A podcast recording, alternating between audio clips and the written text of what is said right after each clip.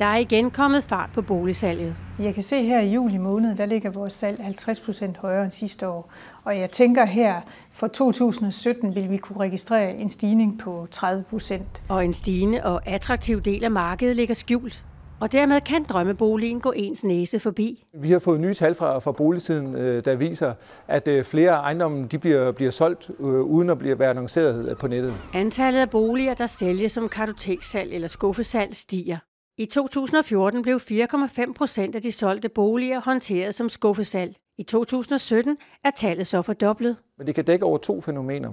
Det kan dække henholdsvis over øh, det, man kunne kalde et skuffesalg, øh, et diskret salg, det vil sige et salg, øh, hvor, hvor, hvor, man, hvor boligen aldrig kommer til, til salg på, på nettet.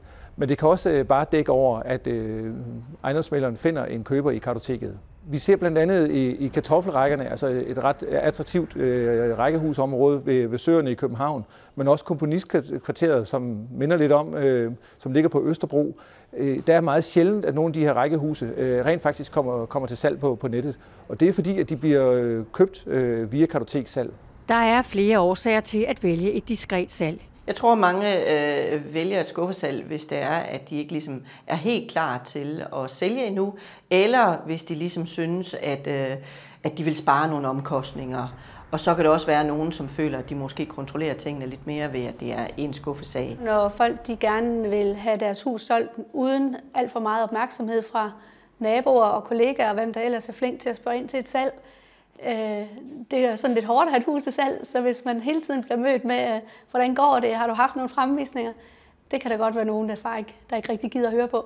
Skuffesalg er i øvrigt ikke altid en økonomisk fordel for en sælger, siger ejendomsmalerne. Hvis man lægger det på nettet, så opnår man jo en langt større efterspørgsel. Og det betyder også en højere pris. Og det, de måske tror, de sparer i omkostninger, det kunne de jo have tjent meget mere ind, hvis de havde taget et salg, der var kommet ud. Men det korte af det lange er, at flere og flere handler går udenom nettet. Så boligøkonom Mikkel Høgh giver køberne det her råd. Hvis de gerne vil have adgang til den mest attraktive del af boligmarkedet, ja, så bør man øh, lade sig skrive op i øh, ejendomsmældernes øh, kartoteker.